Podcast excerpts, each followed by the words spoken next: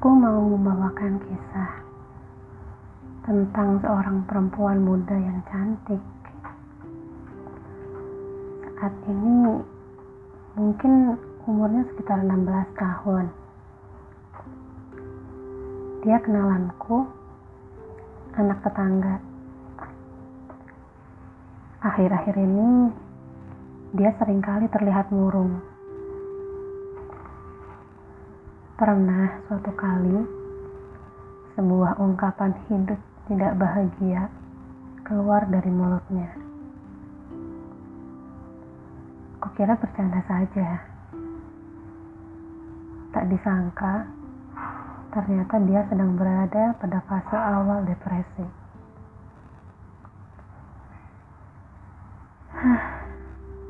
Depresi memang tak pernah mengenal usia siapa pun bisa jadi penderitanya. Awal persoalan pada dirinya adalah rasa minder yang terlalu tinggi karena status ekonomi. Status ekonomi keluarganya hampir tak pernah naik. Sedangkan dirinya memasuki fase dewasa di mana Terkadang, segala rasa pamer ingin keluar melangkahi ego yang maha tinggi. Tapi tak terdukung. Merasa malu karena semua orang tua teman sekolahnya paling tidak memiliki tempat tinggal.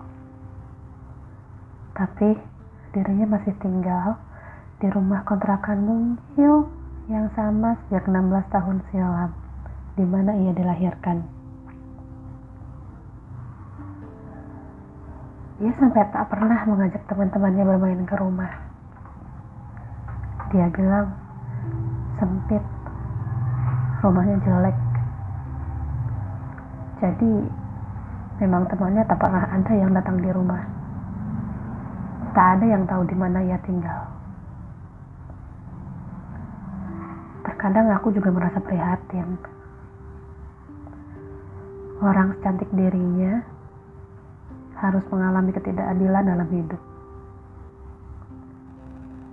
Di kontrakan mungil itu, lima anggota keluarga harus hidup bersama bersempit-sempitan. Ruang tamu, ruang makan, ruang keluarga, ruang tidur, semua menjadi satu. Rasa insecure dan tidak percaya diri dari segala sisi. Semakin lama semakin memburuk. Ia mulai sangat menutup diri. Kuperhatikan jika ia sedang berada di rumahku, lalu kami bercanda. Tertawanya adalah palsu. Tidak lepas. Matanya berbohong ada suatu jeritan yang sering kali kami artikan sebagai aku juga ingin hidup seperti ini.